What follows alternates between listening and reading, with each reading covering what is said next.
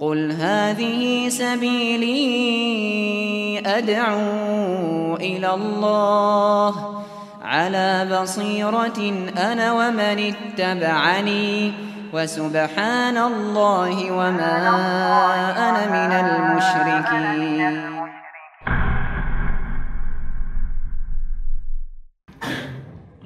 بسم الله الرحمن الرحيم السلام عليكم ورحمة الله وبركاته السلام عليكم Alhamdulillahi rabbil alamin.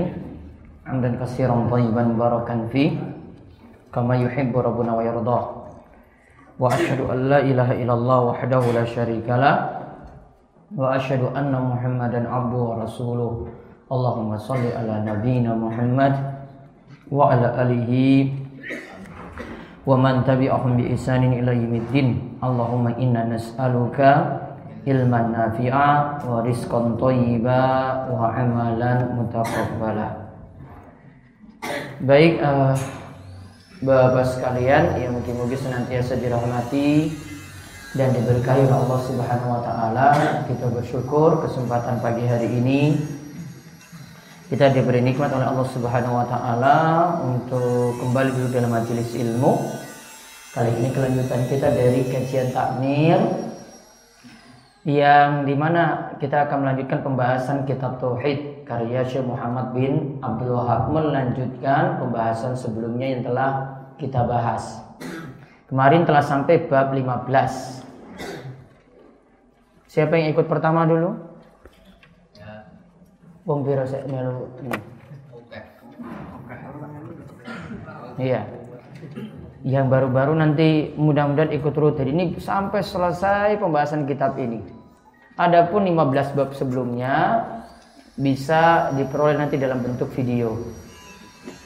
Ya, bisa diperoleh dalam bentuk video sudah ada, nanti bisa dipelajari langsung. Sekarang kita lanjutkan pembahasan kitab tauhid yang ini ingat berisi pembahasan penjelasan rinci tentang tauhid dan syirik. Penjelasan rinci tentang tauhid dan syirik. Dan ini jadi akar masalah di tengah-tengah masyarakat kita yang perlu jenengan sebagai takmir, sebagai dai yang bisa ngomong di masyarakat perlu menyampaikan dengan cara yang baik. Oke. Nanti caranya tetap baik ketika nyampaikan walaupun di sini nanti wah iki kok syirik, wah iki kok masalah. Ya memang seperti itu nantinya. Ya. Adapun rangkaian acara kita nanti sampai jam saya sudah share nih. Sing di WhatsApp. Seorang dua ya orang paham. Jam 8 sampai jam 11 nanti kitab tauhid. Jam 11 sampai jam setunggal nanti istirahat. Setelah itu jam 1 sampai jam 2 nanti lanjut lagi materi, lalu istirahat lagi sampai jam 4 untuk mandi sore. Nanti jenengan untuk mandi sudah sediakan kamar mandi gratis semuanya itu. Nanti cari toilet umum, ya. Airnya nggak usah bayar, sudah ditanggung. Ya, namun sabunnya ya tanggung dewi dewi. Ya itu, seorang gue ya wes guyur guyur wae orang masalah. Terus setelah itu materi lagi kitab tauhid, malamnya nanti baru penjelasan tentang ruqyah. Sekaligus mendiagnosa siapa di antara panjenengan yang nantinya punya masalah. Nanti ada pakarnya langsung saking Jakarta nggih itu mendiagnosa ini. Siapa tahu dibacakan satu ayat wes kesurupan. Ini nanti diuji itu. Nanti dia baca ayat ini terus waduh wis gerah iki wis ora betah. Ada yang mau kabur, ada yang mau lompat pagar situ ada. Ono tanda-tanda iki hati-hati nanti. Ini tenan iki. Ora guru loh. Dulu yang melu jatilan, sing belajar ilmu hitam. Iya, dulu pernah di apa ini bersemedi di mana gitu. Nah, bertapa di mana gitu. Nah, itu tanda-tanda itu ada sesuatu dalam tubuh panjenengan. Ya, nanti akan terbukti cuma satu ayat lain wis kenal langsung itu. Ya, siap-siap nanti. Aku orang tanggung jawab. Siap kena. Paginya mangke pelatihan, nggih. Paginya itu baru pelatihan langsung. Tapi habis subuh kita ngaji lagi, sarapan nanti jam itu, nggih. Niku nanti langsung praktek. Nanti ada pasien lagi nanti jenengan lihat. Tadi siap. Pasiennya kita Saya takutkan nanti jenengan malah jadi pasien semuanya di sini. Bisa jadi. Iya. Karena ada yang baru kerasa ketika dibacakan ayat-ayat seperti itu nanti ketika biasa-biasa ngaji seperti ini mungkin enggak. Bisa jadi.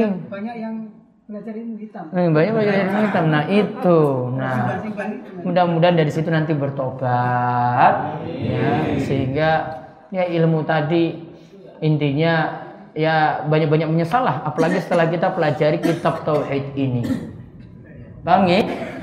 Jadi malamnya baru ini. Kenapa malamnya cuma teori saja? Karena setan itu kambunya itu malam hari. Terlalu ampuh nanti di malam hari. Pagi harinya baru diserang.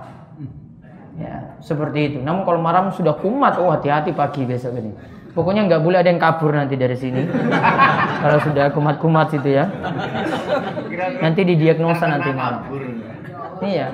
Yang sudah mau tanda-tanda itu oh sudah nggak boleh pulang. Disembungkan di sini. Ya, sudah tanda-tanda tiba-tiba tangannya gerak dewi. Nah, kepalanya geleng-geleng. Aduh. Aduh. Itu itu tanda-tanda itu. Biasanya di sininya nih masalah itu. Pegel-pegel itu. Ya. Itu sudah kena masalah. Enggak apa-apa itu bukan ini nanti malah kesembuhan untuk jenengan malah lebih baik. Iya. Karena ada yang mungkin punya penyakit cuma gara-gara jin sebenarnya itu. Bahkan perlu jenengan pahami juga ini bagi pakar hisap perokok ya. Al-hisab rokok ya. Itu perlu pahami jin itu vitaminnya itu adalah rokok yang jenengan hirup. Itu. Saya nggak pandang itu takmir masjid atau apa pokoknya itu rokok itu jadi vitaminnya poro jin Orang percaya nanti nanti lihat aja sendiri itu setan tuh malah subur. Jadi ketika ada asap rokok, setannya itu malah kumat itu ketika itu. Memang jenengan kumat terus tuh gara-gara itu paling jangan-jangan ada jinnya ini para perokok ini. Nanti kita lihat nanti malam gini. Gue orang kabur sekok ini. Sudah terlanjur datang.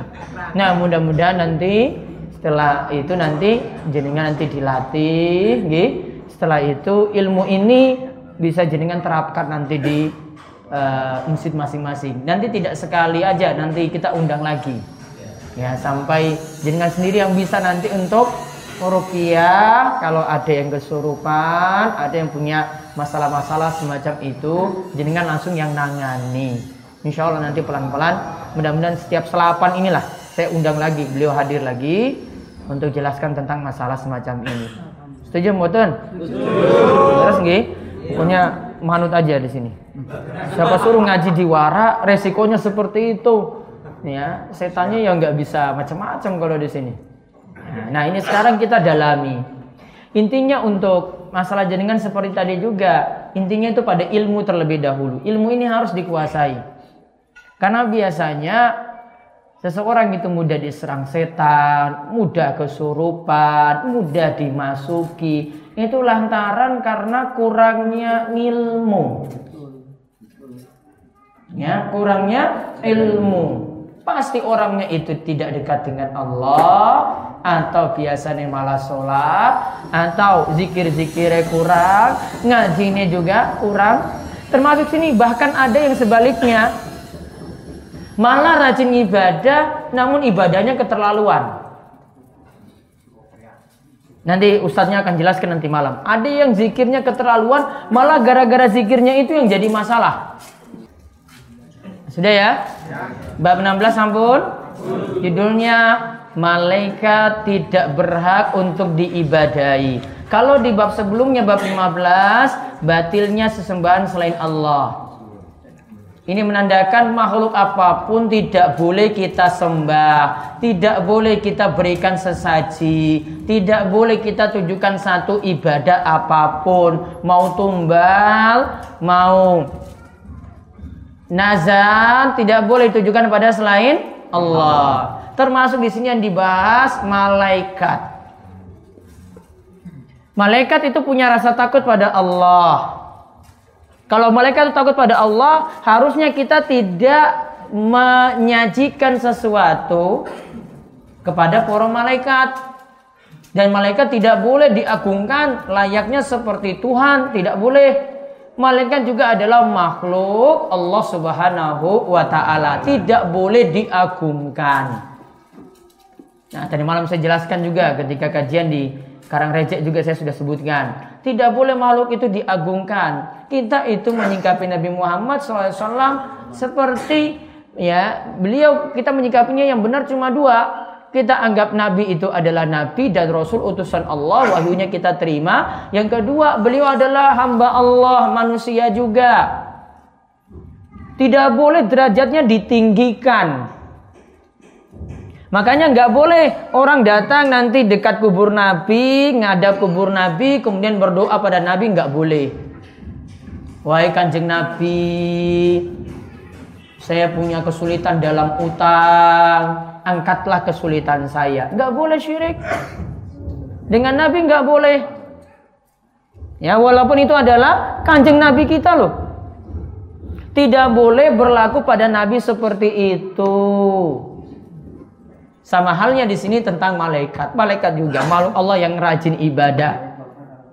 La ya'sunallaha ma amarahum wa yaf'aluna ma yu'marun. Malaikat itu enggak pernah ngeyelan. Kalau Allah perintah dia itu patuh. Apa saja yang diperintahkan dia jalani.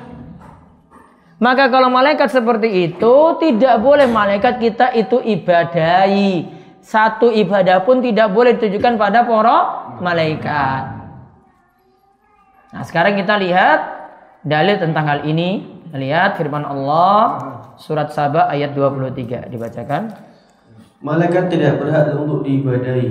Allah taala berfirman, sehingga apabila telah dihilangkan ketakutan dari hati mereka atau para malaikat, mereka berkata, apakah yang telah difirmankan oleh Rabb kalian?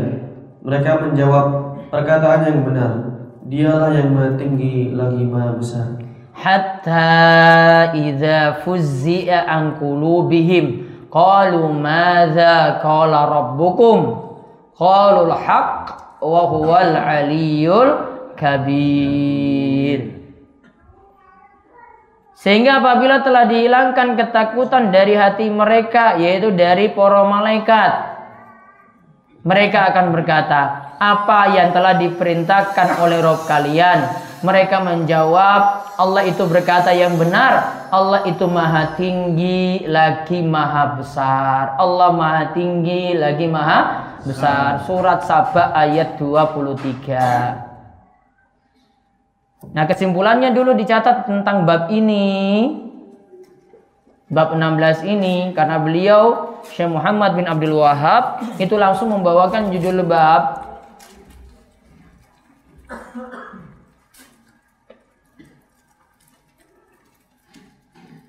Malaikat adalah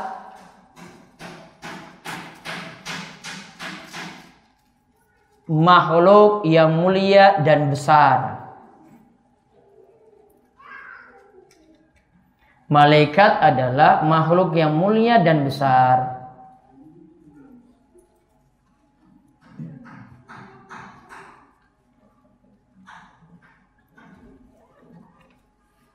Namun mereka takut pada Allah. Siapa yang takut pada Allah?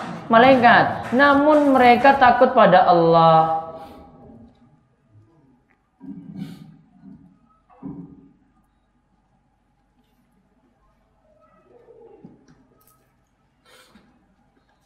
Sehingga kita sebagai makhluk tidak boleh Sehingga kita sebagai makhluk tidak boleh beribadah pada malaikat.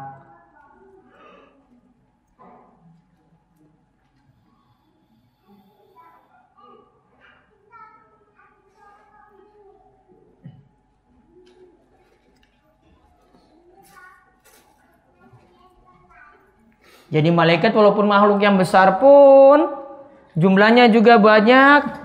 Kadang disebutkan 70 ribu jumlah malaikat itu bisa hadir. Di malam Lailatul Qadar itu malaikat bisa penuhi muka bumi. Penuh sesak di muka bumi.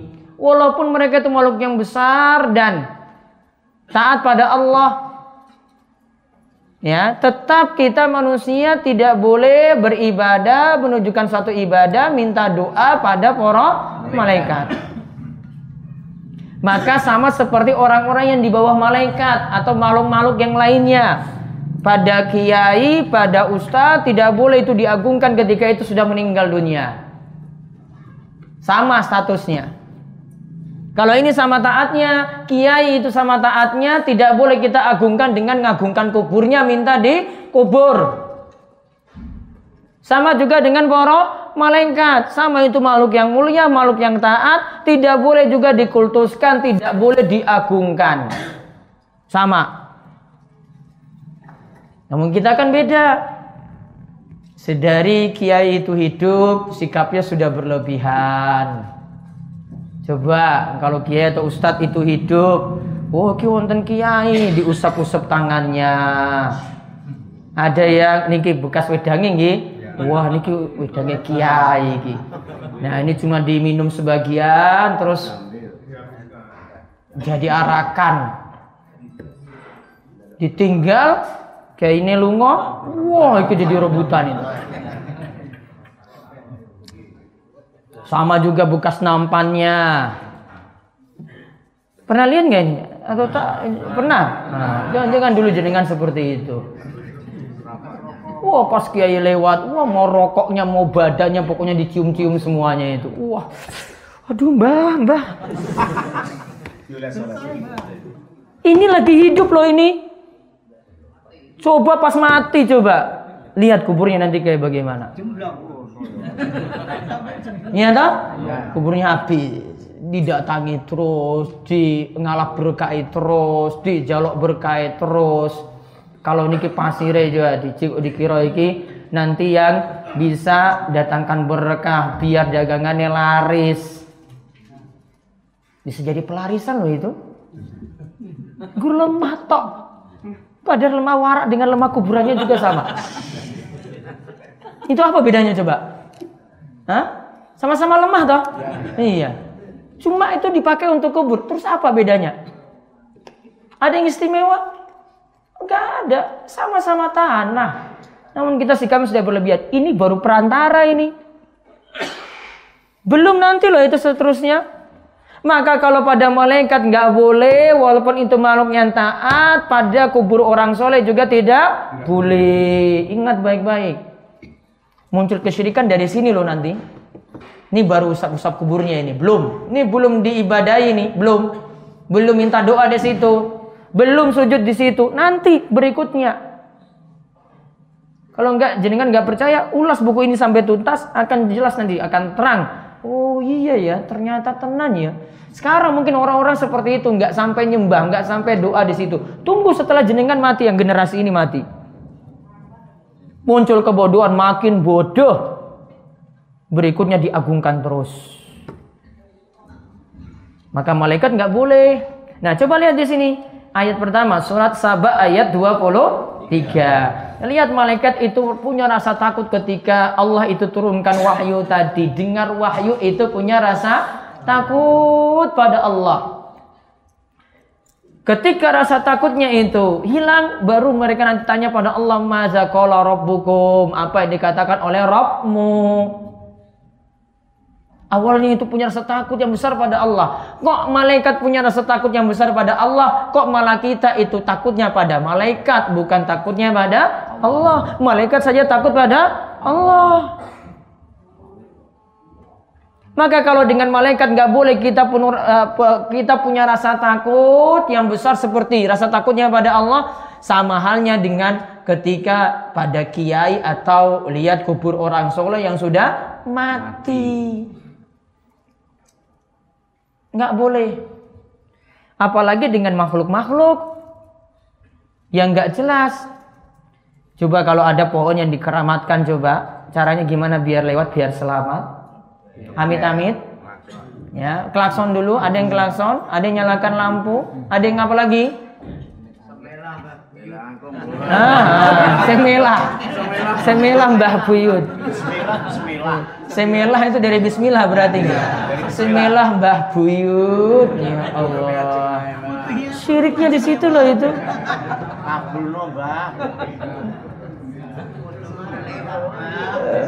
Butuh muara lewat begitu ya Allah. Kita kok rasa takutnya besar sekali pada makhluk. Harusnya kan rasa takutnya pada siapa? Allah. Kok ini pada makhluk yang biasa? Wong kita nggak tahu juga di kubur itu dia lagi ngapain. Apa kita tahu dia nanti nyelakai kita kalau kita nggak pamit-pamit tadi? Enggak kan? Enggak. Namun rasa takutnya itu besar sekali pada makhluk. Lihat malaikat saja takut pada Allah. Harusnya kita juga nyontoh malaikat takut pada Allah. Maka dicatat itu surat Sabah ayat 32 menunjukkan malaikat itu takut pada Allah. Asabah ayat 23. Malaikat itu takut pada Allah. ketika mendengar wahyu.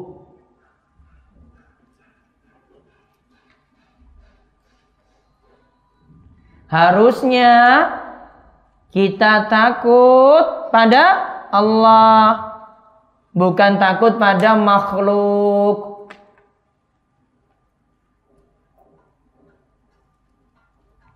Bukan takut pada makhluk.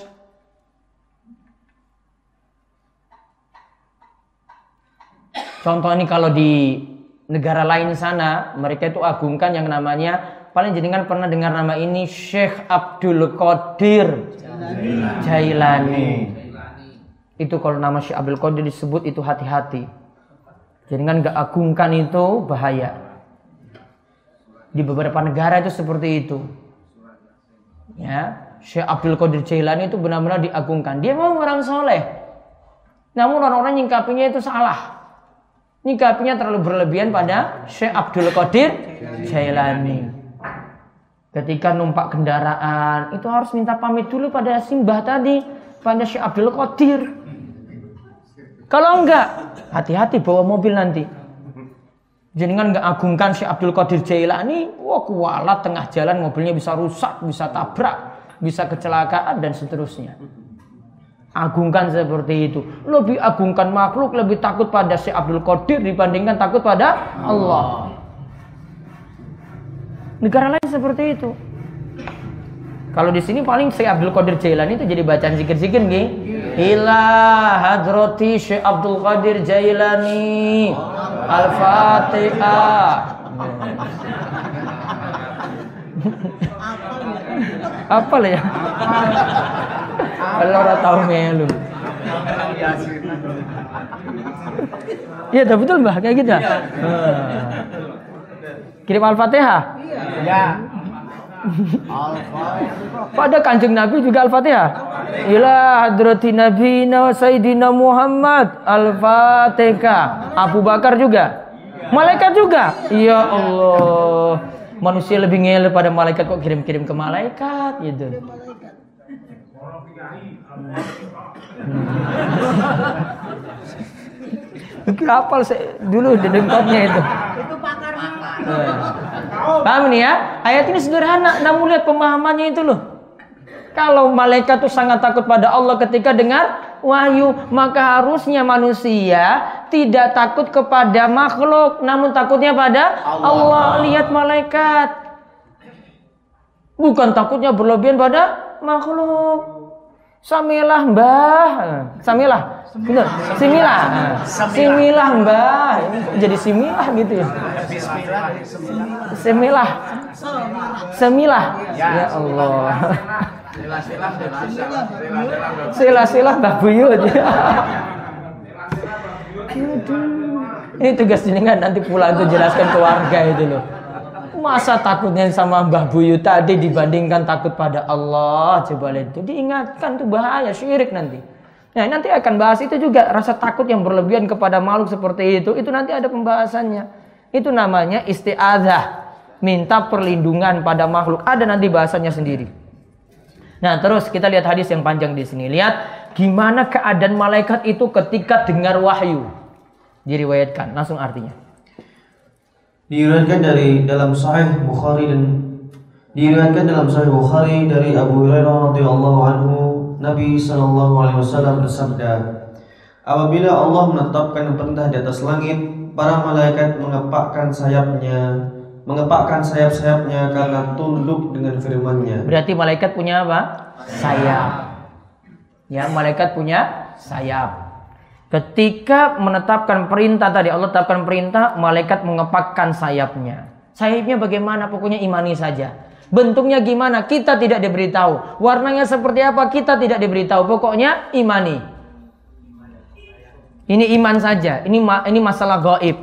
Nggak usah cari tahu, haki ukurannya pirang meter, ya, ini lebarnya itu berapa, wah itu cara ngepakannya itu gimana. Urusan kayak gitu bukan urusanmu. Pokoknya imani saja dulu, kita nggak diberitahu kok. Perkara goib pokoknya nggak usah diterusuri. Kalau kita cuma dapat berita segitu, ya sudah segitu saja. Jangan mas malah telusuri nanti ini gimana gimana gimana. Sampai ada dalil dulu baru nanti diimani lagi berlebih. Ya, diimani berlebih ketika datang nilai kalau sudah diberitahu kayak gini ya sudah wah saya sudah saya imani nah terus Firman Allah yang mereka dengarkan itu seolah-olah seperti suara gemerincing rantai di atas batu. Rantai di atas watu. Coba rantai jatuh. Ting ya toh? Nah, berarti suaranya keras sekali.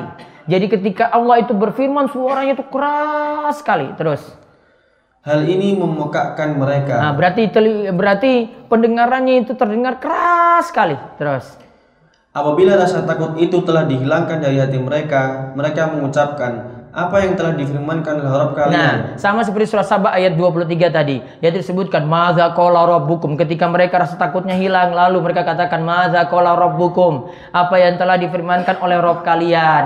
Terus mereka menjawab perkataan yang benar dia maha tinggi lagi maha besar. Perkataan yang benar. Allah itu mengatakan yang benar. Allah maha tinggi. Tinggi itu berarti secara zatnya juga Allah itu tinggi. Allah bukan di mana-mana. Juga Allah itu kabir. Allah juga itu maha besar, azim. Allah itu maha agung, maha besar, maha agung. Terus Setan-setan penyadap berita pun mendengarkan berita itu. Nah, ketika firman Allah itu ditetapkan tadi, setan itu nyuri berita, nguping. Berarti yang biasanya nguping itu kerjaannya setan berarti.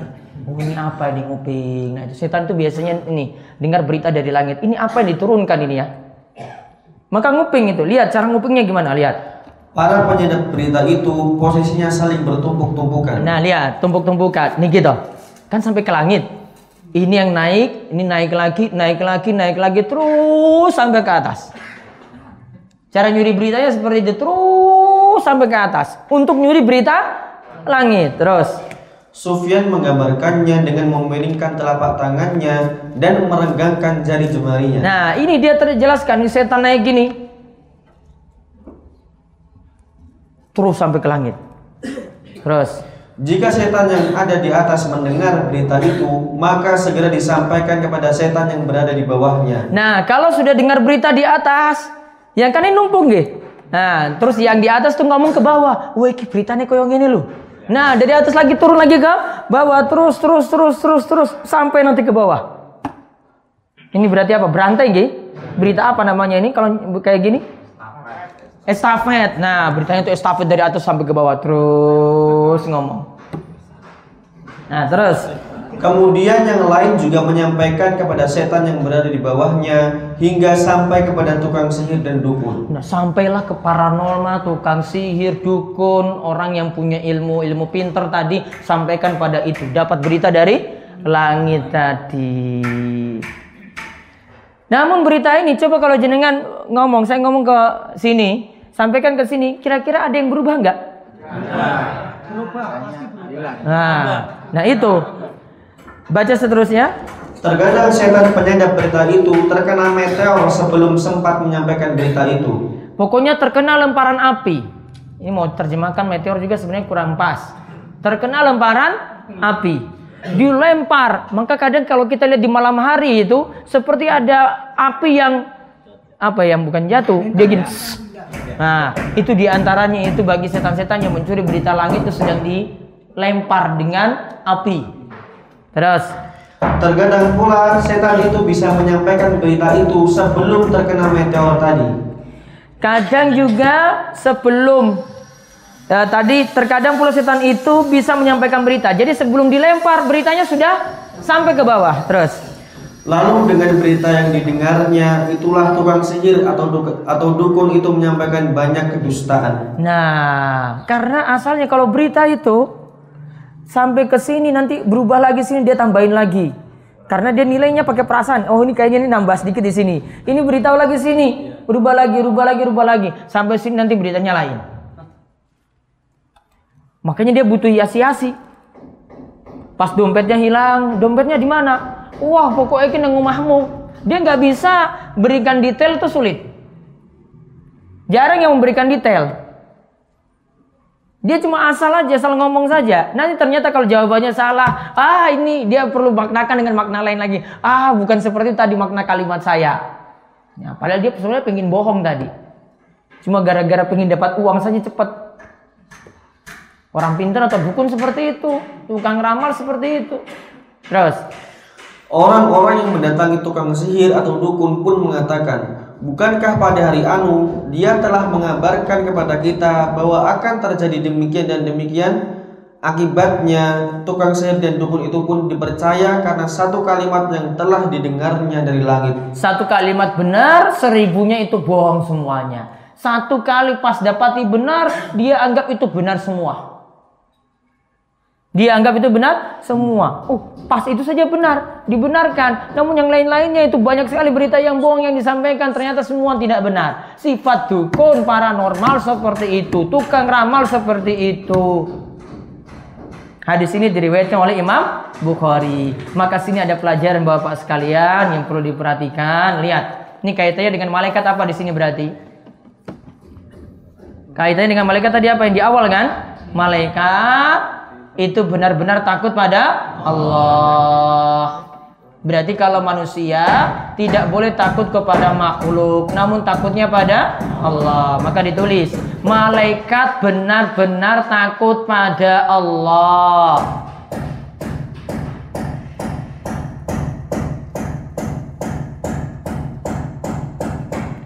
Dan malaikat itu mengagungkan Allah.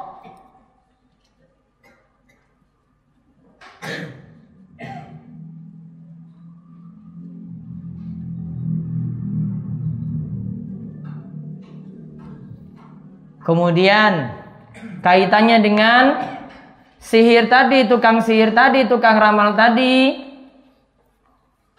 Faedah yang lainnya Hadis ini menunjukkan batilnya sihir dan ramalan-ramalan nasib. Sihir dan ramalan-ramalan nasib.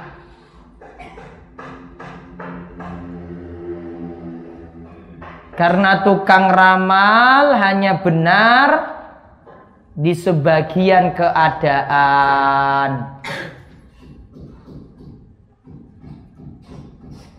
Karena tukang ramal hanya benar di sebagian keadaan, bukan semua.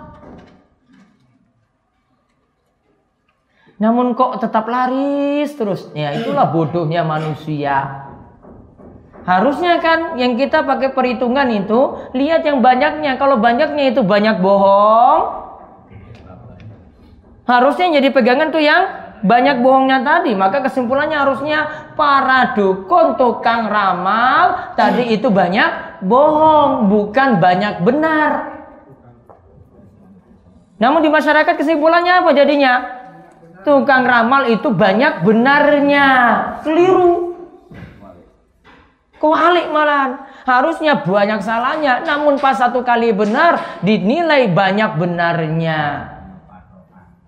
Dan banyak benar banyak kelirunya ini tidak disebut-sebut. Sekali benarnya tadi itu yang dijadikan patokan.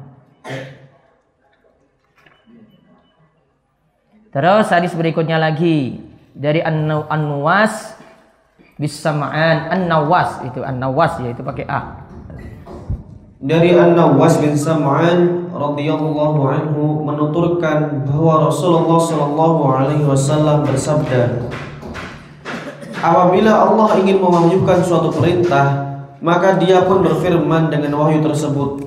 Langit pun bergetar keras karena takut kepada Allah.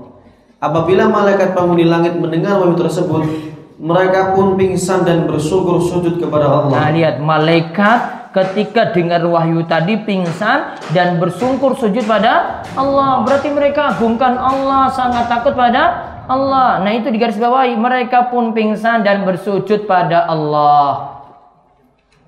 Di garis bawah itu. Ini tanda mereka takut sekali. Namun coba kalau tadi orang yang agungkan orang soleh, mereka itu pingsan dan sujud di hadapan poro wali Allah yang sudah mati. Lihat-lihat kuburnya itu langsung nangis-nangis. Beberapa keyakinan ini yang perlu diwaspadai, nggih. Itu keyakinan yang disebut keyakinan tasawuf atau sufi itu nanti mengagungkan seperti itu. Ada juga keyakinan seperti Syiah Rafidah, itu juga keyakinannya seperti itu. Lihat kubur orang soleh yang diagungkan. Wah, sudah merep-rep dari jauh. Sambil nangis-nangis. Wah, itu kubur ini simbah siapalah dia sebutlah. Wah, ini Mbak Abdul Qadir Jailani dia merayap, merayap, merayap sampai ke kuburnya. Nangis-nangis depan kubur. Sama seperti malaikat sini kan? Padahal malaikat sini takutnya sampai pingsannya itu karena mengagungkan Allah. Hati-hati loh dengan aliran tadi. Apa tadi saya sebut? Tasawuf. Sufi. Itu kalau jikirnya itu biasanya geleng-geleng kepala. Ya. La ilaha illallah. La ilaha illallah. Itu baru normalnya itu. Kalau makin cepat gimana? Kalau cepat gimana? Kalimatnya jadi apa? Ilau ilau. Gitu Ilallah, ilallah, ilallah. Oh, oh, oh, oh.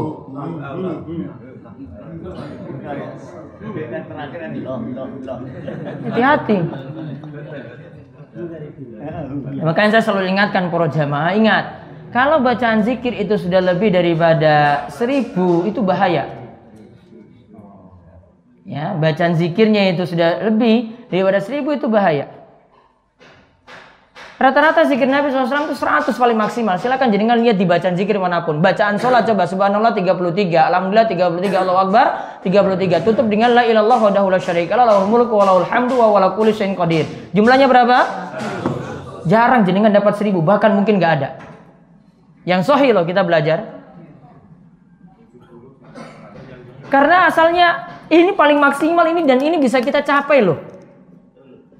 Namun kalau sudah lebih daripada itu, kadang kita sudah letih di tengah, namun kita paksakan.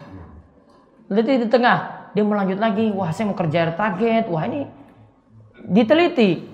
Karena kita ingin zikir itu harus pakai tuntunan. Ya. Zikir harus pakai tuntunan. Ada contohnya sebagian ustadz itu menganjurkan ayat-ayat apa ini? Sampai saya nulis itu, lupa lagi. Ah, ayat seribu dinar. Baca berapa kali itu? Siapa yang hafal ayatnya? Hah? Ayat seribu dinar. Itu baca sampai seribu atau sekian ratus kali. Baca wa may yattaqillaha yaj'al lahu makhraja wa yarzuqhu min haitsu la yahtasib wa may wa may yatawakkal 'ala Allah fa huwa hasbuh innallaha balighu amri qad ja'ala Allah likulli syai'in qadra. Diulang lagi wa may yattaqillaha yaj'al lahu makhraja wa yarzuqhu min haitsu la yahtasib wa may yatawakkal wa may yatawakkal 'ala Allah fa huwa hasbuh innallaha balighu amri qad ja'ala Allah likulli syai'in qadra. Ulang ping sewu coba. Untuk makanya disebut ayat seribu dinar. Nggak ada seperti itu. Buat-buat ajaran baru Ya, lihat tadi. Kalau benar ajarannya tidak membuat kita itu susah. Kalau benar ajarannya loh. Rata-rata ringan semuanya coba zikir. Paling banyak gitu la ilallah 100 kali sudah. Itu baca zikir pagi petang. Ada situ. Atau astagfirullah 100 kali. Atau subhanallah wa bihamdi 100 kali. Itu saja. Itu paling banyak kita temui satu hari. Itu pun kita kadang-kadang lakukan, kadang-kadang enggak, berat. Asalnya kalau kita sudah capek zikir ya sudah nggak usah lanjut, nggak usah lanjut. Ya, baik. Lihat di sini. Ini intinya malaikat itu agungkan Allah sampai pingsan ketika dengar wahyu sampai bersungkur sujud pada Allah. Maka jangan niru ini untuk makhluk. Ini hanya boleh untuk Allah nangis di hadapan Allah, sujud di hadapan Allah. Nggak boleh pakai makhluk di situ. Datang-datang ini tiang solehnya langsung datang, lihat kakinya terus disujud-sujuti gitu, dicium-cium. Ini makhluk. Ya. Ini makhluk biasanya juga punya salah kok kita agungkan itu berlebihan. Maka rata-rata kalau orang soleh, kalau orang solehnya benar loh ini, Ya, orang solehnya itu benar. Mau dicium tangan pun dia itu nggak mau. Orang Arab itu biasanya kalau ngagungkan orang soleh datang kemudian dia cium, cium jidatnya ini, di datang terus cium jidat. Itu rata-rata kalau ulama besar itu nggak mau seperti itu, dia hindari.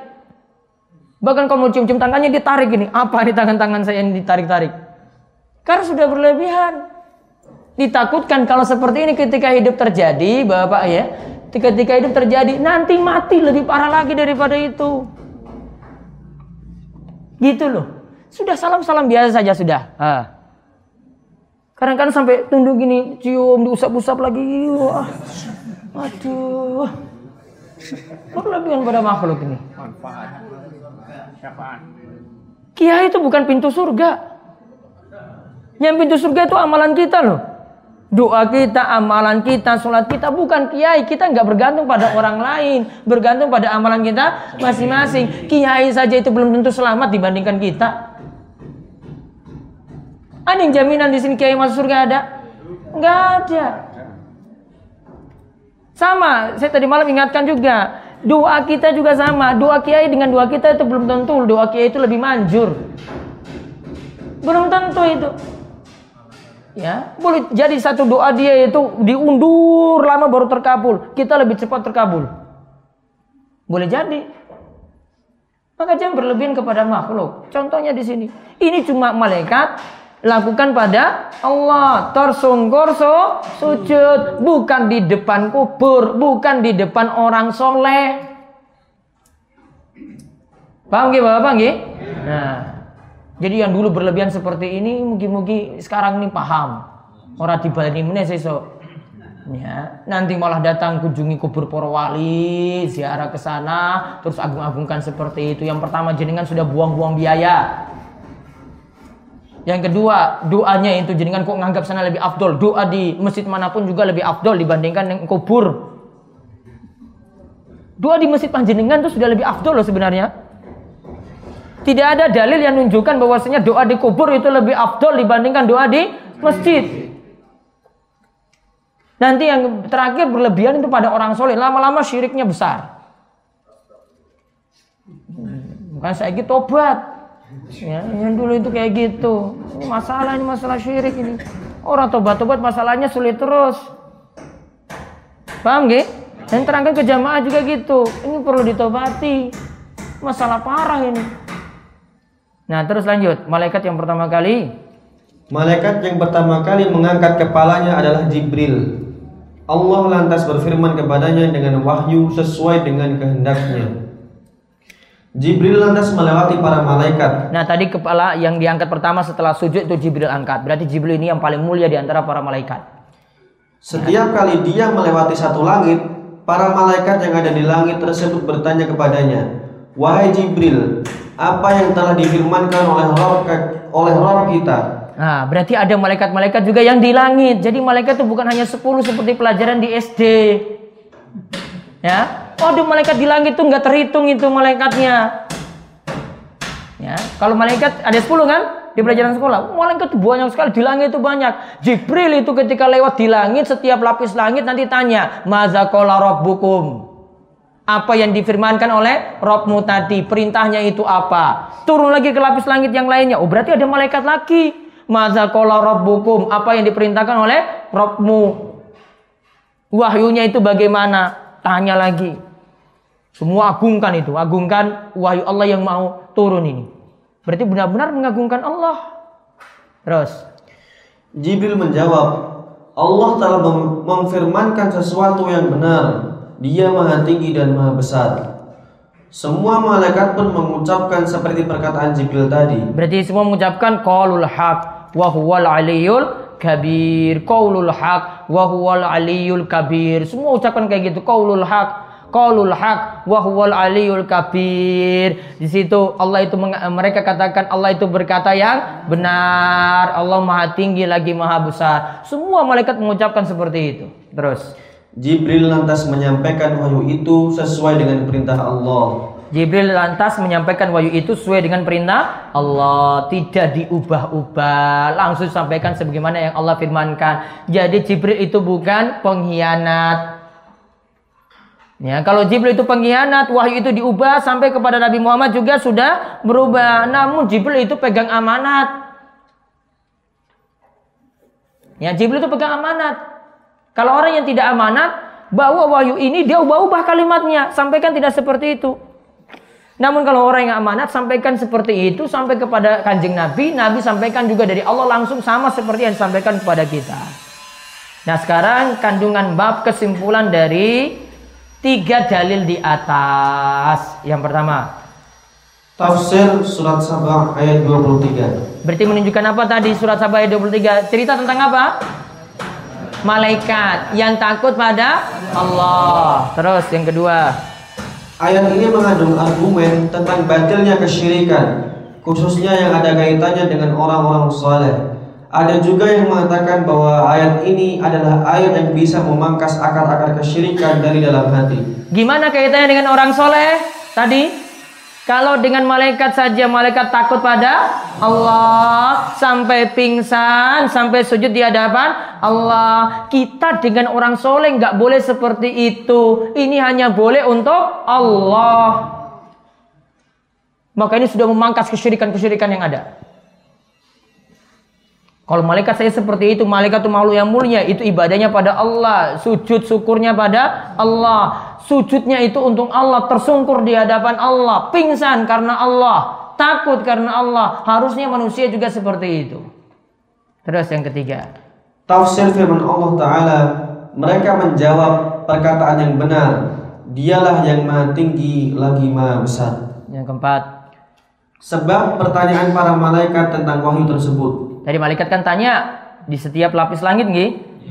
Setiap lapis langit itu tanya, "Maza qala rabbukum?" Dijawab, "Qaulul haq wa huwal aliyul kabir." Terus Jibril kemudian menjawab pertanyaan para malaikat itu dengan mengatakan Allah telah memfirmankan sesuatu yang benar Dia maha tinggi dan maha besar terus Yang keenam Disebutkan dalam hadis di atas bahwa malaikat yang pertama kali mengangkat kepalanya adalah malaikat Jibril Malaikat yang pertama mengangkat kepala setelah sujud tadi itu adalah Jibril. Berarti sujud itu ibadah. Sujud hanya boleh ditujukan pada Allah. Bentuk sujud tidak boleh ditujukan pada makhluk apa pun.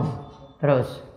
Jibril memberi jawaban kepada seluruh penghuni langit karena mereka semua bertanya kepadanya. Ya, Jibril tadi memberikan jawaban kepada seluruh penduduk langit. Penghuni langitnya tadi siapa? Malaikat. Terus. Seluruh malaikat penghuni langit pingsan setelah mendengarkan firman Allah tersebut. Seluruh penghuni langit dari malaikat tadi pingsan ketika mendengar firman Allah tadi. Terus.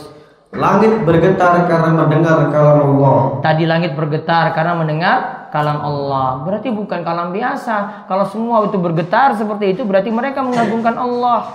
Terus Jibril adalah malaikat yang menyampaikan wahyu tersebut sesuai dengan perintah Allah. Jibril adalah malaikat yang menyampaikan wahyu tersebut sesuai dengan perintah Allah. Tidak Jibril ubah. Jibril benar-benar memegang amanah. Terus Disebutkan dalam hadis di atas bahwa ada setan yang menyadap kabar dari langit. ada setan yang menyadap kabar dari langit. Terus Posisi setan-setan penyadap berita itu saling menunggangi satu sama lain. paham nggih? Ditunggangi, naik lagi, naik lagi sampai ke atas. Terus Peluncuran meteor untuk menembakkan setan-setan penyadap berita. Jadi diganti istilah meteor, meteor itu diterjemahkan pelempar saja, pelempar api. Ya, atau lemparan api, bukan meteor. Karena meteor itu istilah belakangan. Meteor itu istilah benda langit juga. Ini lemparan api yang dilemparkan pada setan tadi yang menyadap berita langit. Jadi dicoret bukan meteor namun lemparan api. Terus 14.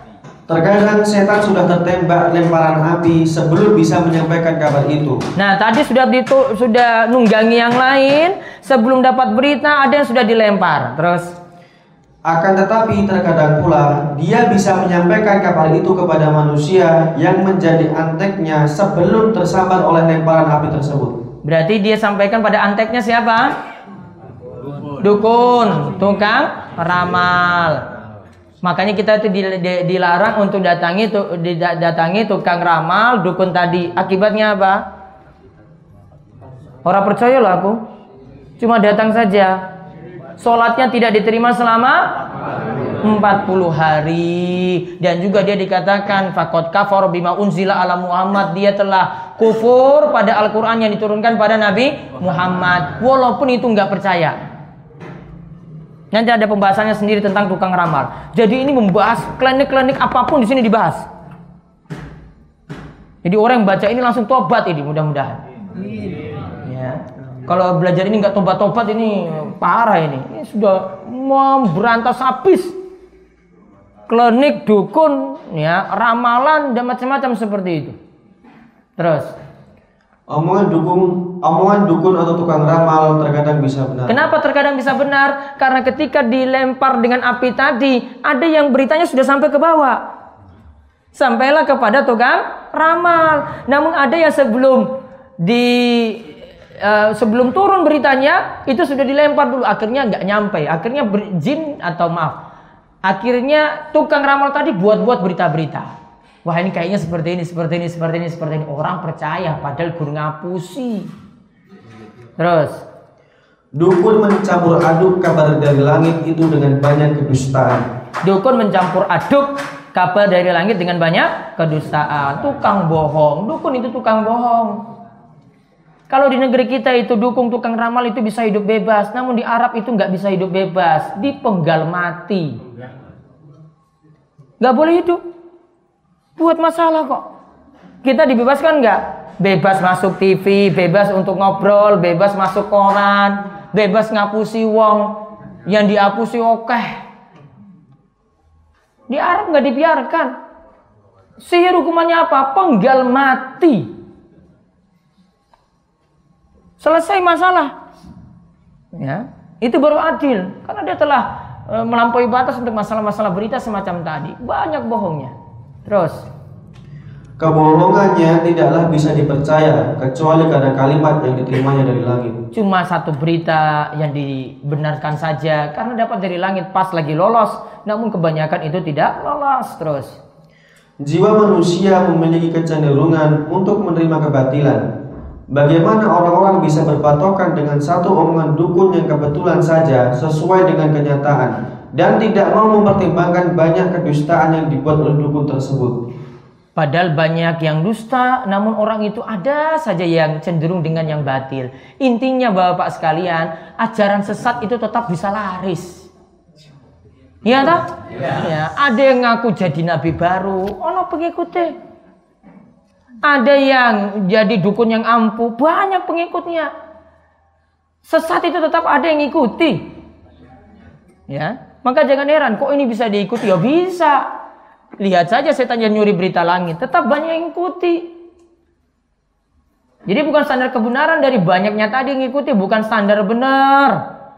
Ya, standar benar itu kalau berpegang dengan Al-Qur'an lan hadis, bukan dari omongan orang banyak. Terus Omongan dukun yang kebetulan sesuai dengan kenyataan itu tersebar luas dari mulut ke mulut. Bahkan mereka menghafalkannya dan menjadikannya sebagai bukti kebenaran perkataan ramalan sang dukun. Ya omongan dukun tadi itu banyak tersebar dari mulut ke mulut. Wah dukun iki ampuh, wah tukang ramal ini masya Allah luar biasa. Ayo datang ke dia lagi. Jadi omongan itu obrolan pindah mulut pindah mulut ya ke yang lainnya terus sampai dia terkenal. Maka harus ada yang cegah ini. Terangkan bahwasanya ini nggak benar. Terus 21 eh 20. Penetapan sifat-sifat bagi Allah. Hal ini berbeda dengan sekte Asy'ariyah yang meniadakan sifat-sifat bagi Allah. Tadi sifat-sifat bagi Allah berarti tadi disebutkan Allah itu berfirman. Ya, berarti Allah punya sifat kalam. Kalau Allah itu berfirman, Allah itu berbicara langsung. Ya. Bukan yang diutarakan itu cuma sesuatu yang digambarkan saja oleh Nabi SAW. Allah tidak berbicara langsung seperti yang diyakini oleh Ash'ariyah. Keliru. Allah itu berbicara lang langsung. Wahyu yang turun itu adalah benar-benar firman Allah. Allah yang berkata. Al-Quran itu Allah yang berkata pada kita langsung. Terus. Dijelaskan di atas bahwa bergetarnya langit dan pingsannya para malaikat dikarenakan rasa takut mereka kepada Allah. Dijelaskan di atas bahwa bergetarnya langit, langit bergetar. Dan pingsannya para malaikat. Itu karena rasa takut pada Allah karena mengagungkan Allah. Yang ke-22 Para malaikat bersyukur sujud kepada Allah. sungkur sujud pada Allah. Berarti sujud su- sujud di hadapan Allah itu berarti adalah suatu bentuk ibadah. Hanya boleh ditujukan pada Allah. Wallahu a'lam bisawab ada pertanyaan di bab 16 ini? Monggo silahkan. Ya. Mike Mike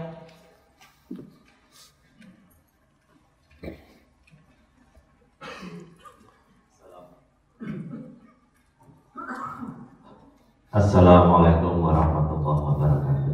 Waalaikumsalam warahmatullahi wabarakatuh. Saya Purnomo dari Masjid Sultan Agung Keramas Stadion Jetis Banten yang ingin kami tanyakan tentang setelah Al-Quran itu selesai diturunkan, apakah masih ada setan yang masih mencuri berita dari langit untuk menyesatkan para dukun-dukun itu? Terima kasih. Taib. Nah ini tentang masalah apakah pencurian berita langit itu masih ada saat ini. Walau alam pencurian berita langit itu berhenti ketika wahyu itu turun. Namun kalau untuk saat ini kembali dibuka lagi. Jadi ada peluang berita-berita langit itu untuk dicuri oleh para malaikat tadi. Ya, jadi kalau masa turunnya wahyu itu dijaga agar tidak dicuri oleh malaikat, maka dilempar tadi dengan lemparan api. Namun saat ini kembali terbuka lagi. Itu tentang pencurian berita langit. Wallahu a'lam. Ada lagi? Ya, sek niki. Samping dulu ya. Sek cerak. Mic-nya lagi sini ada ya. Jalan dulu. Assalamualaikum warahmatullahi wabarakatuh. Waalaikumsalam warahmatullahi wabarakatuh. wabarakatuh. Badhe nyuwun pirsa Ustaz. Nanging sadanipun kita badhe crita riyin. Kula saking Masjid Baitur Rahim di Banten Sari. Wonten ing dusun kawula Ustaz menika Dusun apa, Pak? Dusun. Dusun apa? Dusun Legundi. Oh, dusun Legundi. Tapi saya pelanjan. Legundi Lanjan. Ah, baik. Wonten ing dusun kula setiap tahun wonten upacara adat. Menika ngangkut wastani rasulan. Wonten ing dusun kula 87 persen menika jugeni acara menika. Padahal piyambakipun salat, poso, zakat. Lajeng yang kula sunaken pirsa amal-amalan ingkang sae menika pikantuk ganjaran saking dharma Allah napa boten. Itulah tugas kita yang pertama sinau tauhid niku penting. Sek nomor kalih ingat syirik itu menghapuskan amalan. Meskipun wonge salat apa meneh poso, zakat, meskipun berhaji. Ketika berbuat syirik terhapuslah amalannya. Ya. Faqad habita amalu. Amalannya itu terhapus. La in asyrakta la yahbatanna amaluk. Jika engkau berbuat syirik, maka amalannya itu terhapus. Maka yang pertama sekarang solusinya ayo ngaji. Terus ngajak warga juga untuk ng ngaji, men paham.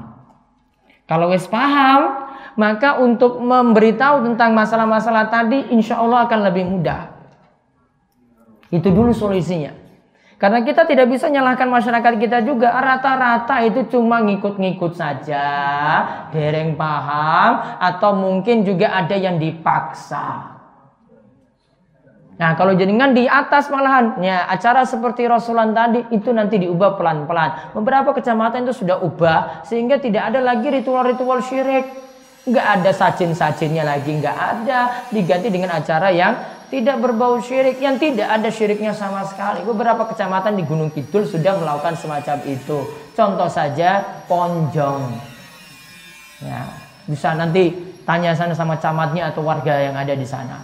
Seperti itu. Berarti PR-nya yang berikutnya PR kita itu berat. Kalau kita dapati warga masyarakat kita seperti itu. Jenengan perlu ingatkan pelan-pelan. Termasuk ingatkan juga aparat-aparatnya yang ada. Ini demi kepentingan bersama. Ya. Solusi paling penting ayo ngaji dan ngajak warganya untuk ng ngaji. Paham gak, Pak? Ya, pokoknya nggak usah sedih. Sinau terus jenengan. Mungkin-mungkin nanti warga diberikan hidayah. Ya, sehingga terlepas dari kesyirikan tadi yang bisa menghapuskan amalan. Terus depan dulu. Pak Parjo sudah pegang mic. Hmm. Assalamualaikum warahmatullahi wabarakatuh. Waalaikumsalam warahmatullahi wabarakatuh.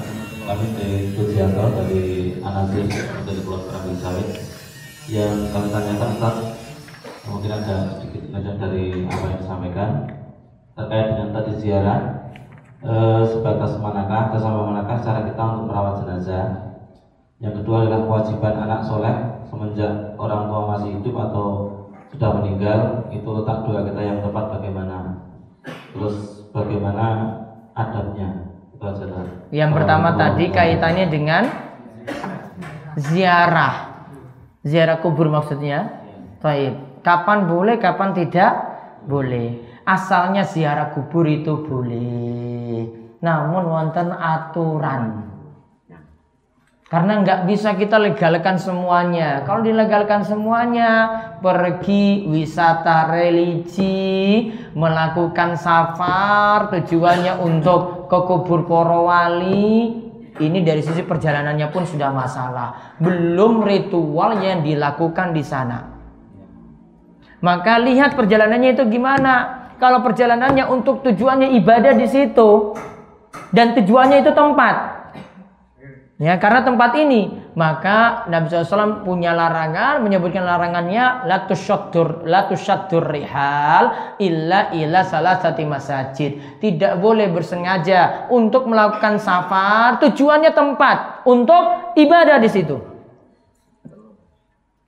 Untuk ibadah di situ. Kalau jalan-jalan beda. Ini tujuannya, tujuannya tempat untuk ibadah di situ.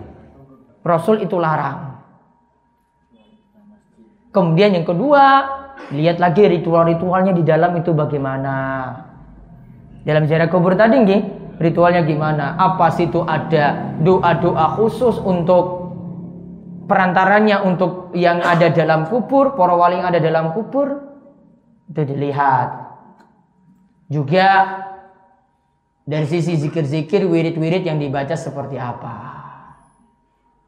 Nah, asalnya kalau ini sesuai tuntunan, ada doa-doa yang sesuai tuntunan sudah diajarkan oleh kanjeng Nabi. Assalamualaikum ahlatiyar minal muslimin wal mu'minin wa inna insyaallah bikum lalahikun. Assalamualaikum assalamu wal afiyah. Ada doanya khusus. Dan kita nanti ada amalan-amalan yang tidak perlu kita lakukan di kubur karena ini bukan amalan di kubur ada. Namun hati-hati dengan yang tadi yang dilarang sampai yang terjatuh pada kesyirikan. Baik, itu kaitannya dengan ziarah kubur terus, Pak Warjo. Assalamualaikum warahmatullahi wabarakatuh. Waalaikumsalam warahmatullahi Yang wabarakatuh. saya tanyakan tentang realita, Ustaz. Realita. Di mana banyak sekali para kiai ataupun bahkan sudah haji beberapa kali, semakin banyak haji, semakin muridnya itu banyak untuk meyakini tentang keyakinan tasawuf tadi bahkan menjadi-jadi apa yang disampaikan oleh Ustaz bahkan mungkin kakinya aja dijilati merupakan Oh, Nah, jilati. Nah, ini salah satu fenomena yang seperti ini. Maka dari itu dosa apa? Orang yang sudah tahu malah mengajarkan sesuatu hal yang seperti itu.